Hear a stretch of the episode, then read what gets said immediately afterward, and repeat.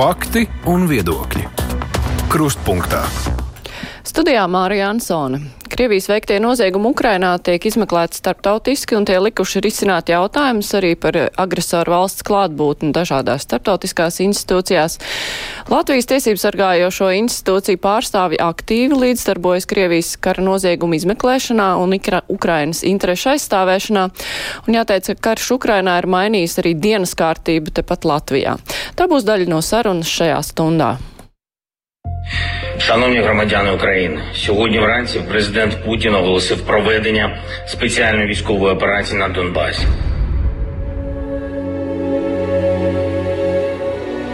Divdesmit ceturtais februāris. Gads kopš kara Ukrainā.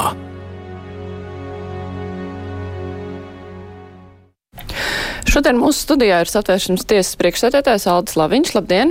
Labdien! Man palīdzēs žurnālisti Inese Helmane no portāla LV Latvijas vēstneses. Kā teikt, portāls. Latvijas vēstneša portāls. Sveika. Jā, un Artūrs Bikaus no portāla TVNet. Sveiks! Sveiki! Jā, klausītāji var arī rakstīt savus jautājumus eh, no mūsu mājaslapas. Um, kopš kara sākuma Latvijā ir pieņemti nu, diezgan daudz lēmumi, kas iepriekš varbūt pat nebūtu iedomājami, bet ko ir eh, karš Ukrainā ļoti būtiski sekmējis to pieņemšanu. Gan attiecībā uz latviešu valodas lietošanu, uz eh, krievu mācību, eh, krievu valodas nemācīšanu kā otro svešu valodu, ir pieņemti grozījumi likumā par partijām. Ir cilāti jautājumi, kas saistās ar dažādu amatpersonu lojalitāti. Vai satversmes tiesā šo lēmumu dēļ ir parādījušies pieteikumi, nu, kas apšauba to demokrātiskumu, vai varbūt kādā citā veidā tie tiek apstrīdēti? Satversmes tiesā mēs esam saņēmuši lietas attiecībā uz valsts valodas lietošanu izglītības procesos un dažādās izglītības pakāpēs. Nu, pat mēs pasludinājām spriedumu attiecībā uz valsts valodas, Eiropas Savienībā oficiālo valodu un arī ārpus Eiropas Savienības valodu lietojumu augstākās izglītības pakāpē. Bet mums ir priekšā vēl viena lieta par pāreju pilnībā uz izglītību valsts valodā, pamat izglītības pakāpē, privāto, privātajās skolās. Tāpēc šādā aspektā satversmes tiesa vēl tikai sniegs savu vērtējumu. Runa ir par vispārējo izglītību. Jā. Bet vai lēmums par augstāko izglītību kaut kādā veidā nu, ir saiknē ar šo otru, jo nu, runa ir par izglītības iegūšanu? Uh, viena lieta, kas mums šobrīd ir izskatīšanā, Tajā jautājums vairs nav par to, vai augstākās izglītības pakāpē var tikt lietota ne Eiropas Savienībā esošā oficiāla valoda. Runa ir tikai par pareizajām attiecībām augstākās izglītības pakāpē starp valsts valodu un kādu no Eiropas Savienības oficiālajām valodām. Es, protams, nevaru detalizētāk komentēt kādus apsvērumus, jo mēs šobrīd esam šīs lietas izskatīšanā tieši. Bet nu, kaut kāda līdzība tur ir vai nav? Teiksim tā, lai arī cilvēki varētu mēģināt spriest, eh, kas tur varētu sanākt no šīs lietas. Uh, ja tā es varētu teikt, tas pamatjautājums ir, vai uh, valsts valodas lietošana augstākās izglītības pakāpē tādā apmērā, kā tas ir paredzēts šobrīd, nodrošina no vienas puses valsts valodas aizsardzības mērķu īstenošanu, no otras puses tas pietiekami sekmē Latvijas augstākās izglītības kvalitāti tādā izpratnē, ka zinātnes valoda pamatā jau ir angļu valoda, un vai mēs piemēram, angļu valodu pietiekamā apjomā lietojam augst, augstākās izglītības pakāpē, jo tas palīdz Latvijā studējošajiem augstākās izglītības pakāpē apgūt tās nepieciešamās zināšanas, kas ir kā jaunākās atziņas un kuras parasti mēs varam apgūt angļu valodā. Tāpēc mums ir jādomā par otru šo vērtību, lai mūsu augstākās izglītības ieguvēji ir pietiekami uh, konkurētspējīgi Eiropas Savienības uh, kultūra telpā kopumā, es teikšu. Nu jā, tad, un šādi, tas ir tas, jā. un, un lūk, te ir tas jautājums par pareizu līdzsvaru. Ja, lai tiktu valsts valoda izkopta un attīstīta augstākās izglītības pakāpē, kas ir ļoti svarīgi. Piemēram, arī tieslietu jomā mums ir svarīgi, lai visi termini būtu uh, jēgpilnos, labskanīgos latviešu terminos. Bet tāpat laikā mēs nevaram, ja tā es drīkstu teikt, kļūt uh, tādi, kas ir vērsti tikai uz sevi un uh, nebūt uh, uh, tajās attīstības tendencēs, kas ir Eiropas Savienībā, kas ir pasaulē. Tāpēc, kā jau teicu, arī šī otra vērtība, zinātnes attīstība, kas dod būtisku pienesumu Latvijas tautsēmniecības attīstībai, caur to, ka mūsu uh, augstākās izglītības ieguvēji ir konkurētspējīgi. Un, ja es varētu atgriezties pie tieslietu jomas, tad es teiktu, ņemam vērā nevisai, nevisai iepriecinošo apstākli, ka ir samērā sarežģīti šobrīd Latvijā atrast piemērotus kandidātus uz Eiropas Savienības tiesā esošajiem vakantajiem tiesneša amatiem. Tur ir nepieciešamas zināšanas gan angļu valodā, gan franču valodā. Un tās zināšanas ir nepieciešamas. Tām zināšanām ir jābūt tādā līmenī, lai spētu jēgpilni diskutēt ar pārējiem Eiropas Savienības tiesas tiesnešiem un ar personālu. Un šobrīd ir zināms problēmas šajā. Tāpēc, kā jau vēlreiz teicu, šeit ir vajadzīgs atrast pareizo līdzsvaru. Un tas ir praktiski satversmes tiesas ikdienas darbs katrā lietā. Mm -hmm. Un tāds būs arī par skolām. Kolēģi Jā, runājot par līdzsvaru, um, kā jūs skatāties uz šādu argumentāciju, ka re, em, ar uh, valsts universitātēm ir skaidrs, ka teiksim, būtu nepieciešams nostiprināt latviešu valodas uh, lietošanu. Bet kas attiecas teiksim, uz privātu augstskolām, vai tad uh, šī gadījumā tas līdzsvars nav pārāk uh, orientēts uz latviešu valodas stiprināšanu, kad uh, privāta universitāte nu, galvenokārt laikam būtu ieinteresēta veikt komercdarbību. Kā jūs skatāties uz šo situāciju? Vai tomēr varētu būt atšķirīga pieeja attiecībā uz privātu augstskolām? Vispirms gribētu teikt, ka augstskolu likumā noteiktais pienākums augstskolām izkopt un attīstīt valsts valodu ir attiecināms gan uz privātajām, gan uz uh, valsts dibinātajām augstskolām. Tāpēc uh, izējas punkts, es teiktu, ir tāds, ka tam ir jābūt vienādam. Vai varētu būt kādas nelielas atšķirības tajā, ka valsts dibinātajās augstskolās uh, Eiropas Savienības oficiālā kāda no valodām varētu tikt lietota lielākā proporcijā nekā valsts dibināta augstskolā. Tas, protams, ir uh, labs apsvērums, un, kā jau teicu, uh, šobrīd esošajā lietā, kas tiek izskatīta, tvērumā atrodas gan valsts valodas lietošanas apjoms privātajās augstskolās, gan dibinā, gan valsts dibinātajās augstskolās. Līdz ar to es teiktu, mazliet vajadzētu uh, pagaidīt un saņemsim satversmes tiesas uh, nolēmumu šajā jautājumā. Es teiktu, ka man nevajadzētu šobrīd uh, izdarīt pārsteidzīgus secinājumus un pirms tiesas sprieduma uh, dot tādu skaidru vēstījumu, jā, žurnālists kungs, jūsu uh, apsvērums ir uh, pamatots un droši vien, ka, kas atversmes tiesa to ņems vērā. Droši vien, ka nē. Bet, uh, kā es teicu, arguments ir uh, vērā ņemams vai satversmes tiesā. Uh, šis kalpos par uh, atskaites punktu tam, ka atšķirība, atšķirīgai attieksmei privātajās augstskolās par valsts valodas lietojumu apjomu ir jābūt mazliet pagaidīsim. Bet nu, tas, ko jūs minējāt par to, ka grūti atrast kandidātus darbam Eiropas Savienībā šajās institūcijās, kas ir saistītas ar tiesām, kāds ir jūsu viedoklis? Nu, Es nerunāju par eh, to, kā lemtu satversmes tiesa, bet kā jums šķiet, vai tās eh, tie noteikumi, kas šobrīd ir Latvijā attiecībā uz latviešu valodas lietošanu un uh, Eiropas Savienības valodu lietošanu, nav pārāk stingri?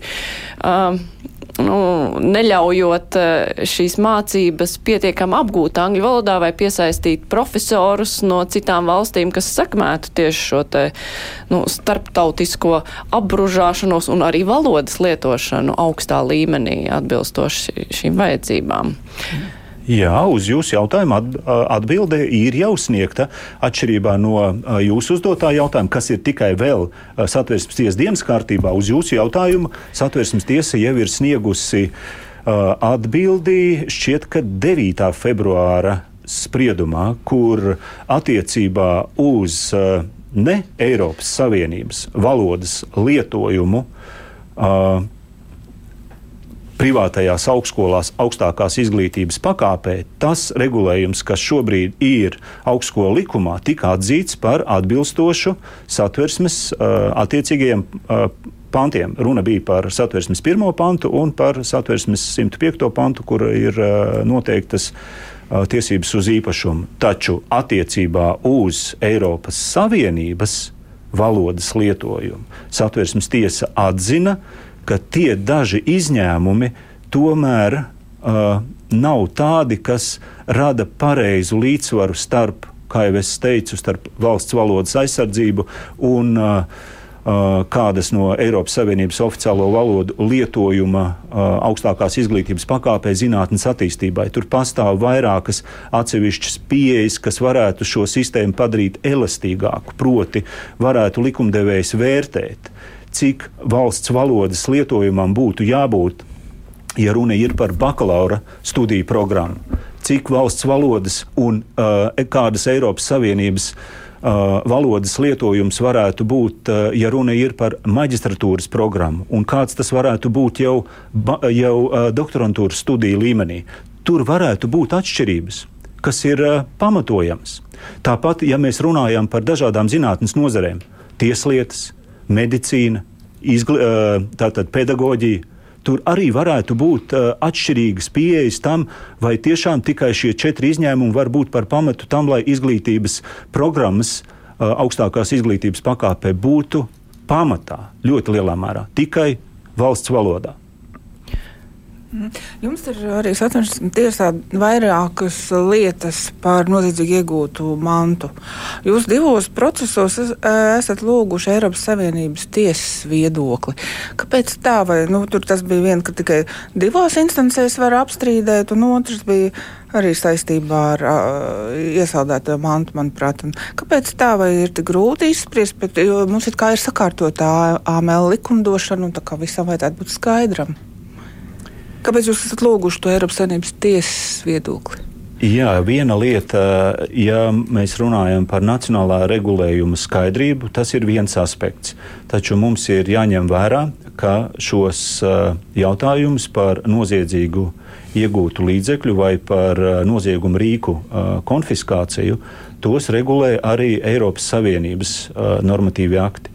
Un jautājums ir, vai mūsu skaidrais nacionālais regulējums kaut kādā mērā nenonāk pretrunā. Proti, citiem vārdiem sakot, vai tas ir saskanīgs ar Eiropas Savienības tiesību aktiem. Un šajā ziņā mēs varam redzēt, ka tās sistēmas, kādas pastāv Eiropas Savienībā par noziedzīgi iegūtu līdzekļu konfiskāciju, ir atšķirīgas.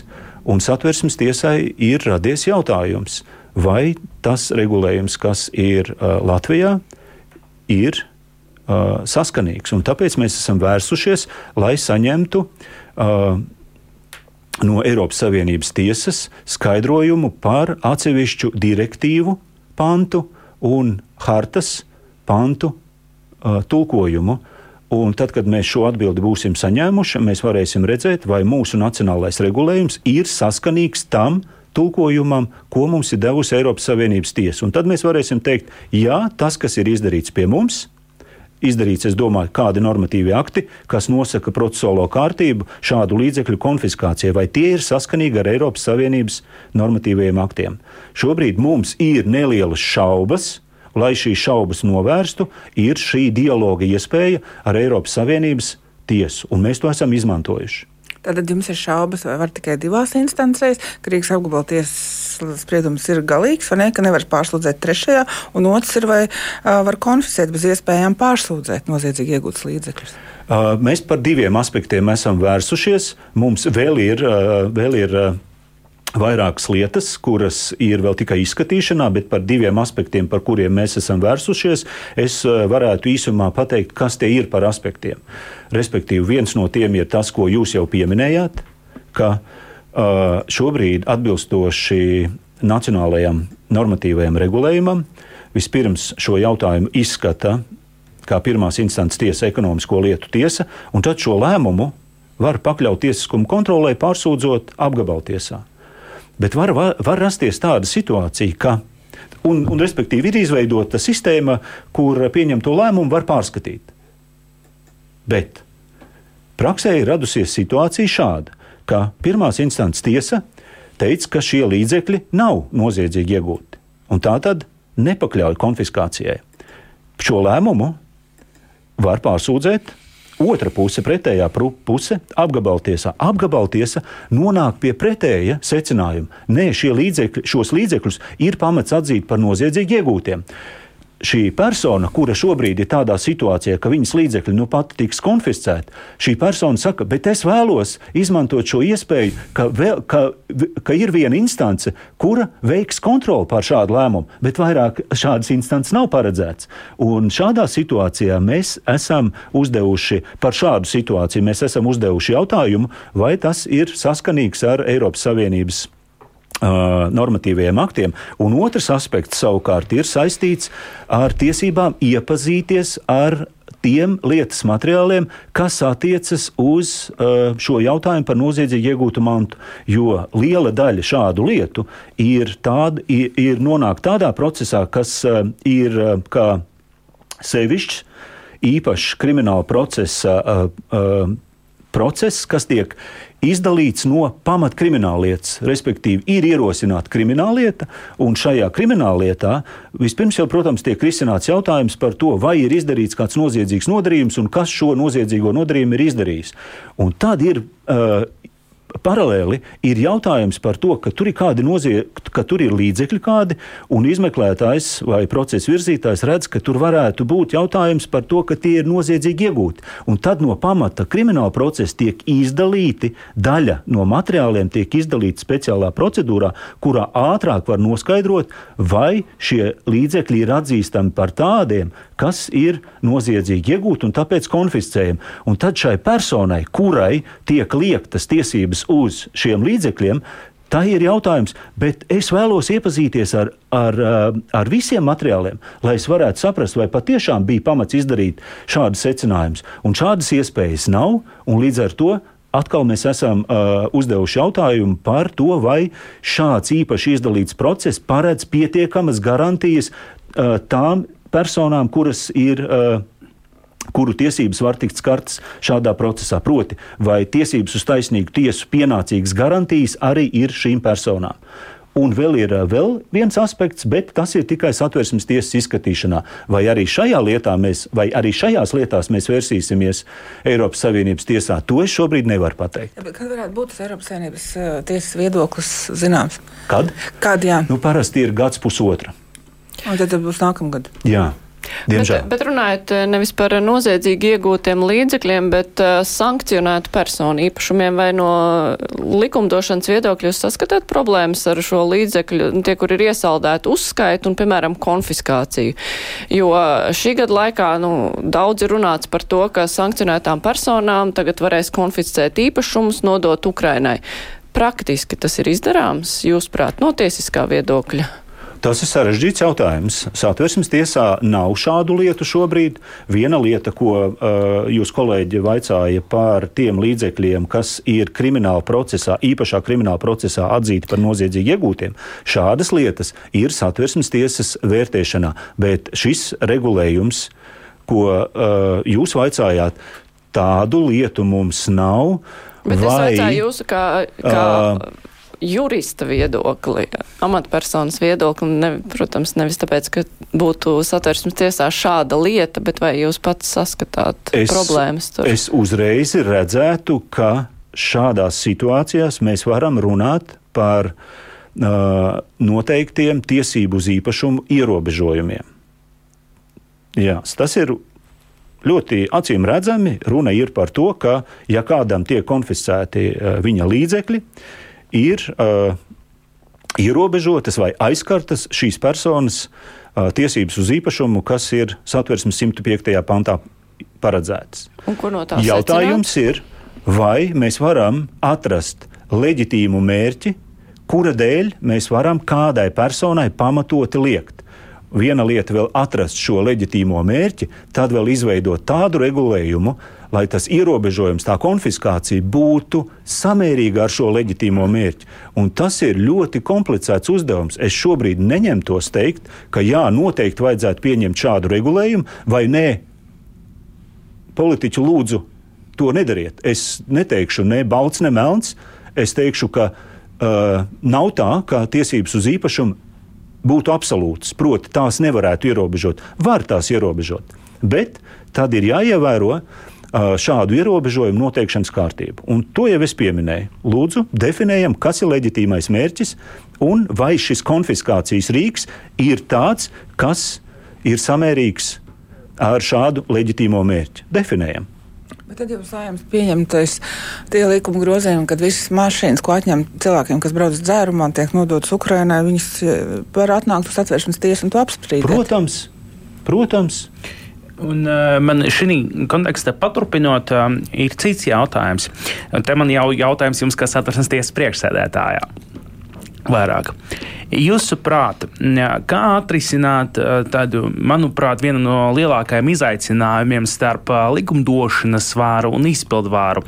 Attiecīgi, kā satversmes tiesa var nolēmt, ka esošā likumdošana nav atbilstoša satversmē, un līdz ar to ir nepieciešams likumus grozīt, bet saima faktiski varētu to arī nedarīt. Vai nu gluži pretēji mēs varam nonākt pie situācijas, kā, kad varētu teikt, ka, oh, nu mums likumdošanas vairs īstenībā nav, un mēs un vienīgi pakļaujamies tam, ko mums saka tiesa.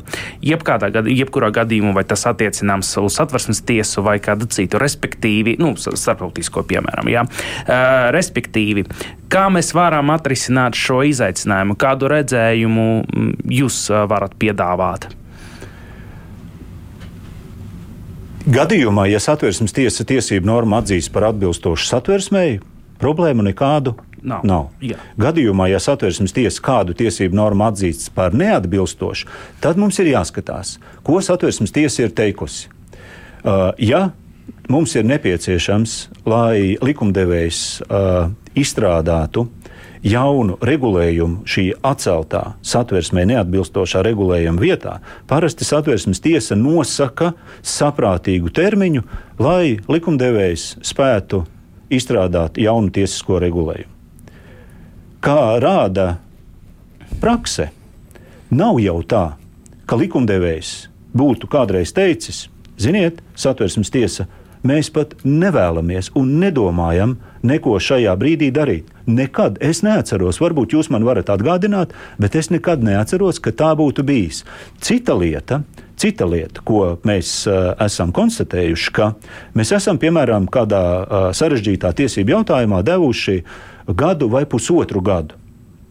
Un tad esam nokonstatējuši, ka varbūt tajos pirmajos, pirmajos mēnešos nu, tādas aktivitātes, lai uh, noteikts regulējums tiktu pieņemts, nemaz nav bijušas. Un tad tā lielākā aktivitāte ir tad, kad termiņš jau nāk uz beigām. Atsevišķi reti gadījumi tādi ir bijuši, un par tiem mēs esam runājuši, ka būtu daudz jēgpilnāk, ja tas darbs tiktu uzsākts ātrāk, tiktu uh, vairāk uh, uh, tas diskutēts.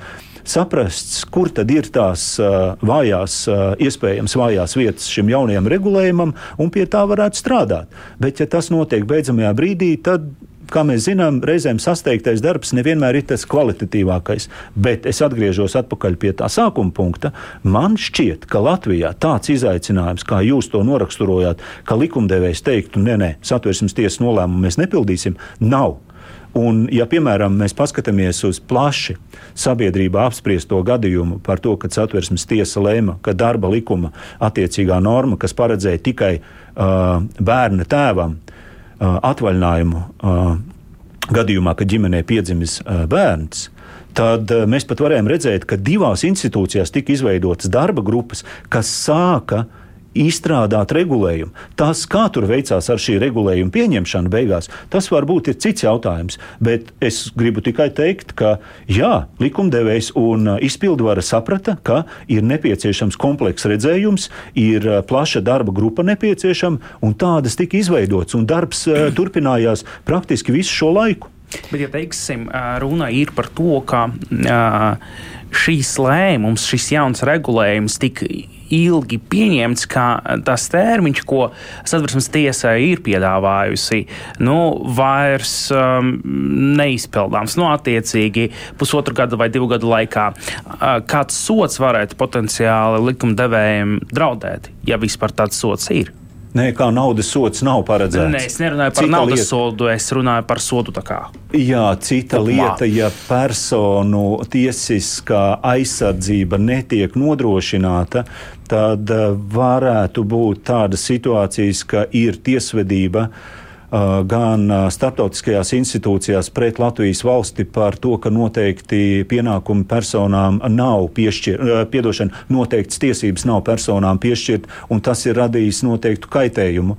Tā kā tur var būt ties, tiesvedības pret Latvijas valsti gan starptautiskā līmenī, un es pieļauju, ka varētu būt arī tiesvedības nacionālā līmenī. Kas to varētu ierosināt? Teiksim, pieņemsim hipotētisko situāciju. Ja satversmes tiesa ir nolēmusi, ka viena no, likum, no likumiem neatbilst pils satversmei.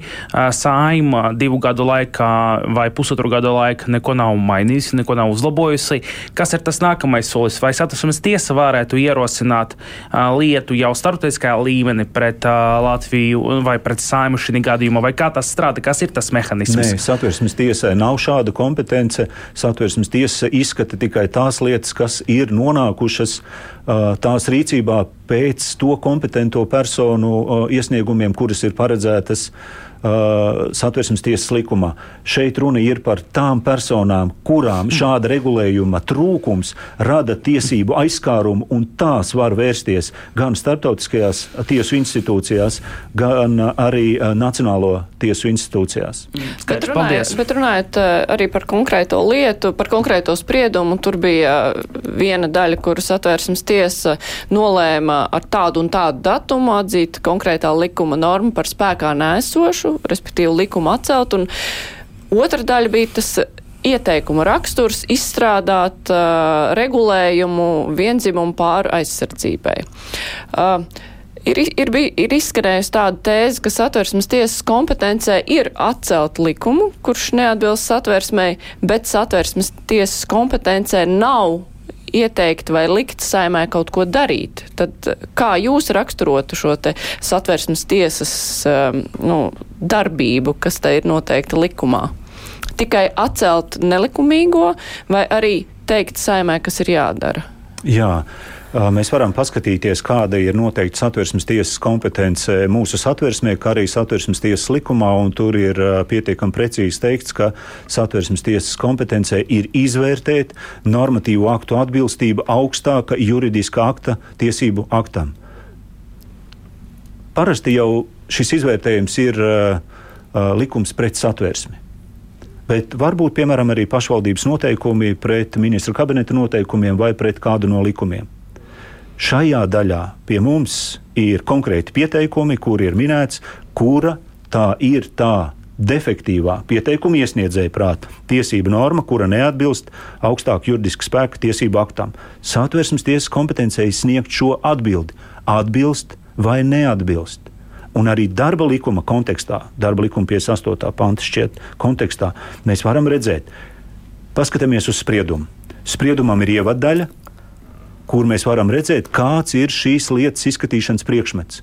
Runa ir par regulējumu trūkumu darba likumā ka tikai bērna tēvam ir tiesības uz atvaļinājumu šādā situācijā, kad ģimenē piedzimst bērns. Spriedumā tālāk ir aprakstošā daļa, kurā mēs varam redzēt pretējo pušu viedokļus. Ko viņi domā par šo jautājumu? Atbilst, neatbilst. Tālāk ir tiesas atbilde, kas ir iekļauta secinājuma daļā. Kāpēc tiesa ir nonākusi pie secinājuma, ka darba likuma regulējuma esošais trūkums, ka arī viena dzimuma partnerei pienākās līdzīga veida atvaļinājums, neatbilst satversmei. Šāds ir satversmes tiesas spriedums. Likumdevējam būtu jānovērš, ja mēs runājam par satversmes tiesas spriedumu izpildi, likumdevējam būtu jānovērš pirmām kārtām satversmes tiesas sprieduma rezolutīvajā daļā ietverto pienākumu novērst uh, pretiesisku situāciju, ka noteikts personas nebauda noteiktu sociālu labumu. Satversmes tiesas motīvu daļā parasti ir dota dažādu tiesību normu interpretācija.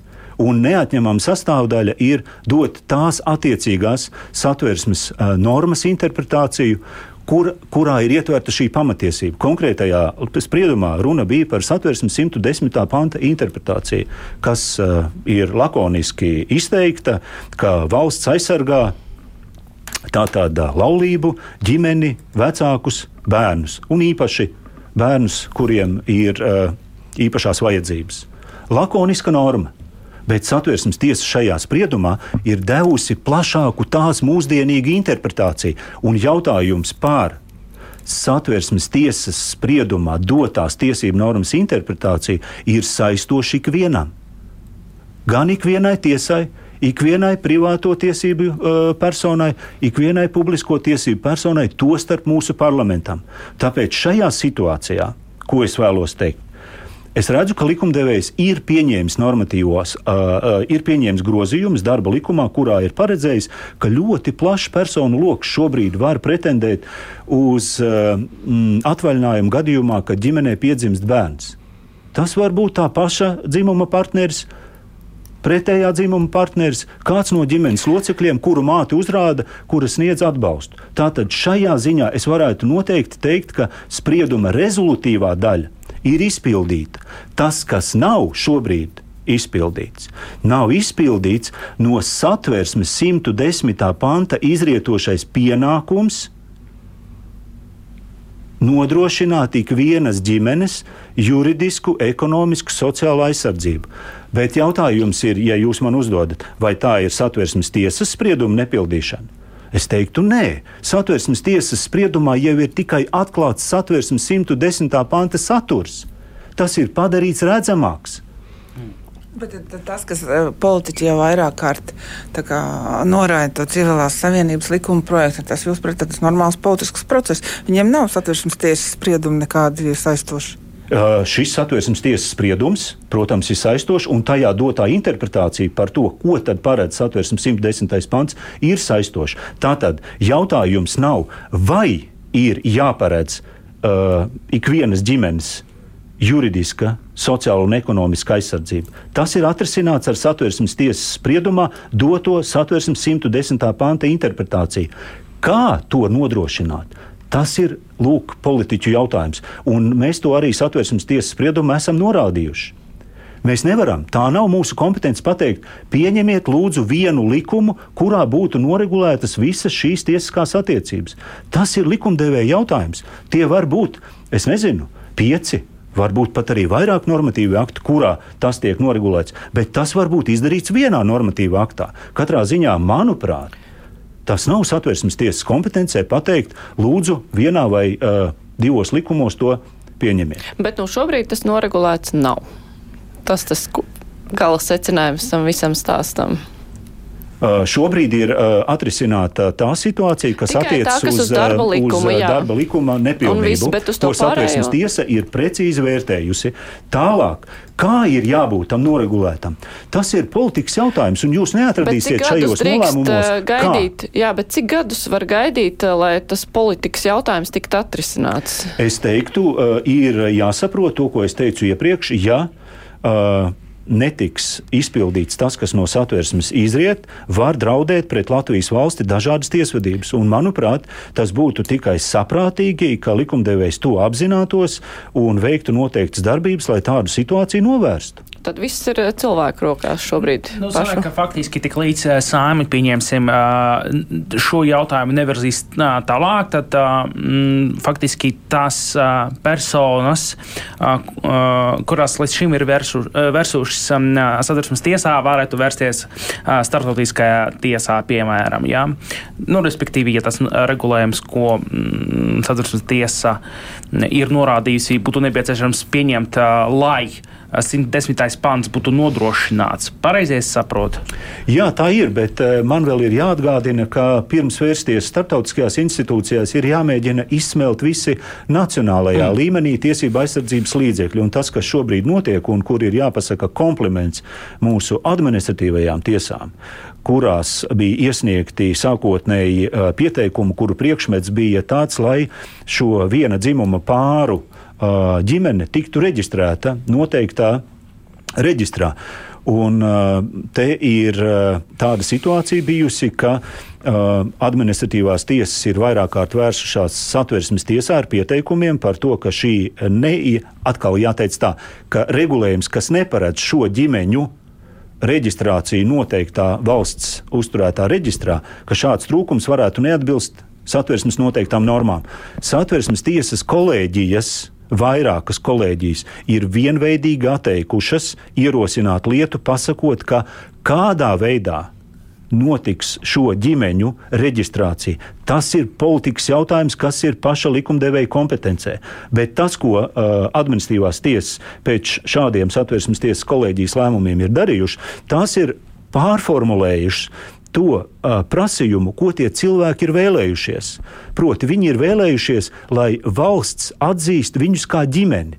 Un tāpēc tos pieteikumus šobrīd skata tādā veidā, lai konstatētu, ka noteikts pāris valsts uh, skatījumā, tiesu personā, tiek atzīts par ģimeni. Un jau ir vairāki spriedumi, kur šādas ģimenes, uh, kur šāds pāris ir atzīts par ģimeni. Līdz ar to attiecībās ar valsti, viņi uzstājas kā ģimene un var pretendēt uz tiem sociālajiem vai ekonomiskiem labumiem, kas ir paredzēts ģimenēm. Ja tas tiek atrisināts, ļoti labi, tiesība aizkārums nepastāv. Līdz ar to uh, jāteic tā, ka nepastāv tie priekšnoteikumi, lai Latvijas valsts iesūdzētu tiesā. Bet redziet, šis tiesvedības process ir ir samērā apgrūtinošs personām. Vai tiešām tā būtu labākā sistēma mūsu valstī, kā mēs arī šādām ģimenēm nodrošinātu tiesisko aizsardzību? Tāpēc uh, es teiktu, es teiktu ka uh, ir vajadzīga saprātīga pieeja. Ja šādi konstitucionālās tiesas nolēmumi ir un tie ir saistoši, par to vispār nevar būt debate, ir vajadzīga attiecīga likumdevēja rīcība. Likumdevēja rīcība šajā ziņā ir uh, likumdevējiem šo rīcību, es saprotu, samērā grūti ir pieņemt, jo runa ir par, uh, par uh, dažādām vērtībām, kur skatījums uz šīm vērtībām ir atšķirīgs. Un, un, ja mēs runājam par vērtībām, tad uh, nu, katram no mums var būt savs priekšstats par to, kādas Bet ir tās vērtības. Tā, tā tiesmas aizpilda to likumdošanas robu savā ziņā, ne? Uh, ziniet, jā. Jā, un tāpēc es teiktu, kā es teicu, kompliments administratīvajām tiesām, kas ir kā tāds, jāsaka tā, mm, kā tāds drošības drošības ventīls, ja tā es drīkstētu teikt. Piedodiet man, kolēģi, ja šis ir apzīmējums, kas varbūt kādam nešķiet pirmšķietam uz auss patīkams, bet es to domu gribu pateikt, ka ja mēs nodrošinām šādā veidā no valsts šo ģimeņu atzīšanu caur tiesvedības procesiem, mēs pasargājam Latvijas valsti no uh, tiesvedībām uh, starptautiskajās vai pārnacionālajās tiesu instancēs. Un te ir runa par uh, Latvijas valsts reputāciju, Latvijas kā demokrātiskas, tiesiskas valsts reputāciju. Tāpēc es gribu teikt, ka administratīvās tiesas te ir pildījušas ļoti vērtīgu lomu. Bet vai tā ir normāla situācija, jo tiesāšanās tas ir dārgi cilvēkiem sagatavot pieteikumus? Tas nav vienkārši.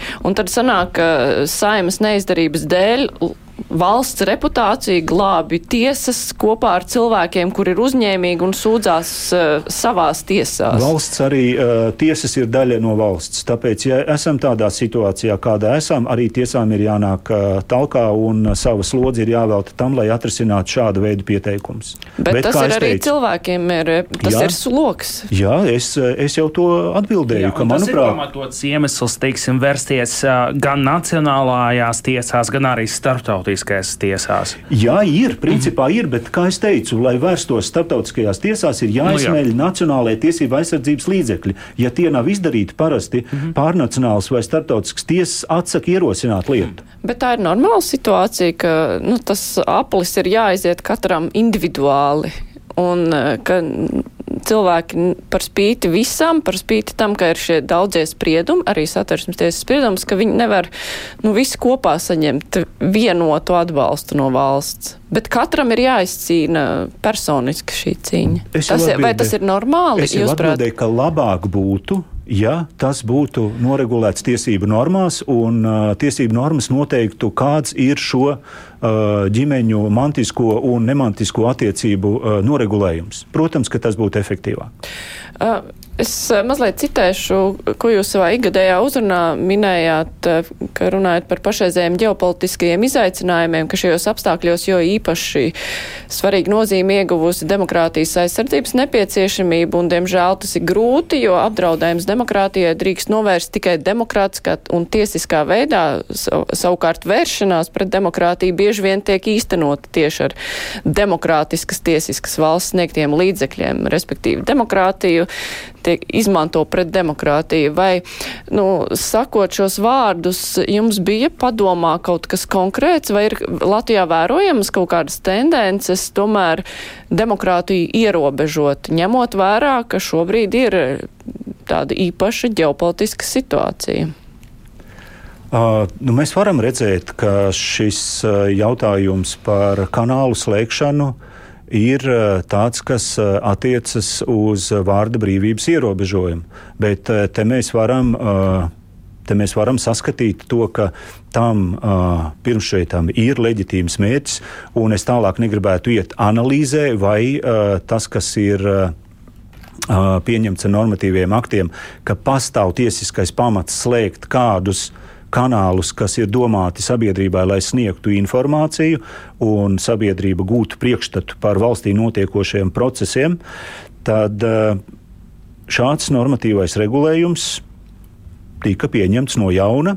Uz tā pamata tika pieņemti vairāki administratīvie akti, kas uh, bija nelabvēlīgi vairākiem uh, subjektiem, kuri Latvijā nodarbojās ar to, lai izplatītu tādu informāciju, kas mūsu demokrātijai ir uh, kaitējoša. Un šos administratīvu, šo administratīvu aktu tiesiskumu varēja pārbaudīt uh, administratīvajās tiesās, bet kas attiecās uz pašu šo regulējumu, uh, to principā var arī pakļaut tiesiskuma pārbaudēji satversmes tiesā. Bet uh, Tas, ko es biju domājis ar šiem vārdiem sakot, es biju domājis to, ka demokrātijai šādos sarežģītos ģeopolitiskos apstākļos jāapzinās iespējamie draudi tai. Un viens no draudiem ir tas, ka mums ir jāsaprot, ka šos demokrātijas dotos līdzekļus var izmantot tie, kuru patiesais nodoms ir nevis uh, veicināt diskusiju sabiedrībā par sabiedrībai nozīmīgiem jautājumiem, bet patiesais nodoms ir vērsties pret demokrātiju. Un ko darīt Un, šādā situācijā?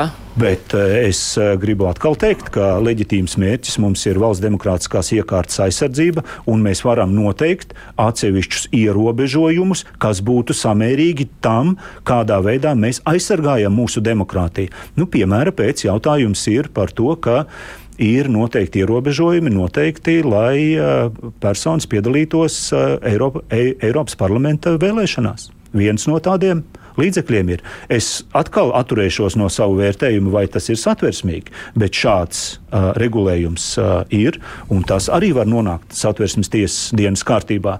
Bet tas ir viens no šiem uh, aspektiem, par ko es runāju, un, un vēl varētu minēt šādus aspektus. Jā, uh, runājot reiz, gan arī par demokrātiju, gan arī jūs uh, kādas piecas minūtes pirms tam minējat, man ļoti iepatikusies tā frāze par modernas, mūsdienīgas ģimenes identificēšanu, respektīvi, kāds ir tas iedziens. Man no tā visā rodās šāds jautājums, un man liekas, ka jūs varat, kā, kā tiesnesis, savā ziņā arī saskarties ar ko līdzīgu, ar ko saskarās arī žurnālisti žurnālisti, ka mums būtu jābūt objektīviem un neitrāliem.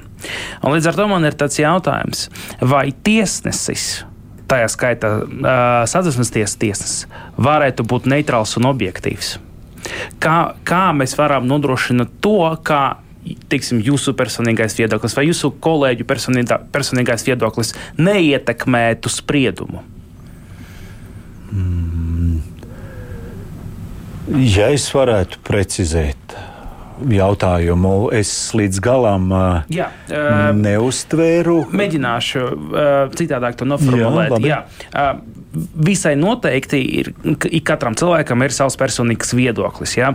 Un līdz ar to, kā var nodrošināt to, lai tas personīgs viedoklis neietekmētu spriedumu. Nu, konkrēti gadījumā runāt par satversmes tiesas ties darbu. Uztvēru. Uh, Redziet, es teiktu, ka visu pirms, uh, lai nonāktu pie secinājuma, kādai ir jābūt uh, mūsdienīgai uh, tiesiskai aizsardzībai par ģimenēm, mēs jau smeļamies tik da ne tik daudz uh, mūsu personiskajos viedokļos, cik daudz kāda ir notikusi tiesība attīstība Eiropas kultūra mm. telpā, kādas ir bijušas lietas Eiropas cilvēktiesību tiesā, jo no tā mēs varam izdarīt secinājumus par to, kāds ir uh, minimālais cilvēktiesību aizsardzības garants mūsu uh, starptautiskajos, mums saistošajos starptautiskajos tiesību aktos, kas ir Eiropas cilvēktiesību un, un brīvība aizsardzības konvencija. Un šai ziņā mēs vispirms vadamies no šīs mērauklas, uh, Un, uh, tas ir uh, viens, un otrs, kāpēc ir uh, ārkārtīgi svarīgi satversmes tiesai veidot aktīvu starptautisko uh, sadarbību ar uh, kolēģiem ārvalstīs, it īpaši Eiropas Savienības lokā, lai mēs satversmes tiesas tiesneši būtu tiesiskās domas attīstības centrā, un mēs varētu redzēt, kādas ir šīs jaunākās attīstības tendences. Un uh, un atbilstoši tām, uh, atbilstoši tām uh, atrisināt lietas arī Latvijas tiesiskajā telpā, jo mēs visi esam vienotajā Eiropas kultūras telpā. Un, ja paskatītos mūsu spriedumus, te jau ikvienā mēs uh, lūkojamies, ir, kādas ir mūsu starptautiskās saistības, kas ir ietvertas Eiropas cilvēktiesību konvencijā, kādas ir mūsu saistības, kas izriet no Eiropas hartas, ja gadījumā esam tajā jomā, kuru regulē Eiropas Savienības normatīvajā uh, akti. Līdz ar to es teiktu, tas ir izšķirošais, kas mums. Kā tiesnešiem ir jāņem vērā, kad mēs, piemēram, esam interpretējuši satversmes 110. panta uh, tekstu. Mhm. Es pieļauju, es pieļauju, ka varbūt tās, ja satversmes 110. pants būtu interpretēts, uh, nezinu, 1997. gadā, varbūt tas būtu atšķirīgs. Paldies, tas jo, ir tas, ko es gribēju jo, jo dzīve ir gājusi uz priekšu, tiesības ir attīstījusies. Ir attīstījušās, tiesneši ir uh, bijuši lietas kursā, uh, tāpēc, ka viņi tiekās ar ārvalstu kolēģiem, piedalās starptautiskās diskusijās, kur aktualitātes tiek uh, aplūkotas un, un attīstības tendences tiek uh, vētītas. Tāpēc uh, es teiktu, attiecīgi, vai var secināt no tā arī tas, ka teiksim, pēc 30 gadiem varētu mainīties atversmes tiesas uh, spriedums un uh, redzējums uz šo? Jā, jā, jā mans, mana, mana atbilde ir jā, tāpēc, ka mēs vienmēr esam uztvēr, uzsvēruši, ka satversme ir kā dzīves organisms, tā attīstās līdzi, un satversmes lakoniskais teksts ļauj tajā tajā ielasīt vai interpretēt tās uh, attīstības sabiedrībā, kas notiek Eiropas kultūra, kultūra telpā. Jā, es gribēju vēl paspēt, mums ir tikai četras minūtes palikušas mazāk. Vai satversmes tiesā kāds ir sūdzējies par valodas pārbaudu Krievijas pilsoņiem uzturēšanās atļaujas saņemšanai Latvijā, kur sekas varbūt arī izraidīšana Jā. no Latvijas?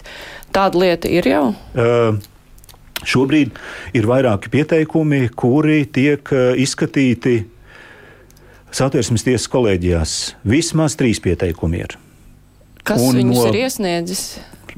Privātpersonas, Privātpersonas. Jā, kurām šāds pienākums ir noteikts. Satversmes tiesā redzēsim, kā kolēģija šo jautājumu izlems. Cits starp tas būs zināms apmēram pēc nedēļas. Kas tur ir tie riskantākie momenti, uz ko nu, var paļauties? Vai ģimeņu apvienošanas problēma Jā. vai Jā, personas sūdzās par to, ka viņu prāt ir pārkāptas tiesības uz uh, privātās dzīves aizsardzību. Runa ir par uh, to, ka cilvēki šeit ir izveidojuši savas ģimenes, šeit veidojuši savu privāto dzīvi. Un otrs aspekts ir saistīts ar tiesiskās vienlīdzības principu.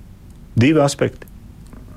Es gribēju pajautāt, cik lielā mērā ir um, politiķi izraisīti lēmumi, piemēram, par Rīgas teritorijas izmantošanas un apbūšanas nosaistošiem noteikumiem, uh, rosina, um, ir iesnieguma pamatā atversmes tiesai. Mēs redzējām, viena partija bija pie varas apturēt tos noteikumus, tagad ir uh, pavisam politiskā situācija mainījusies.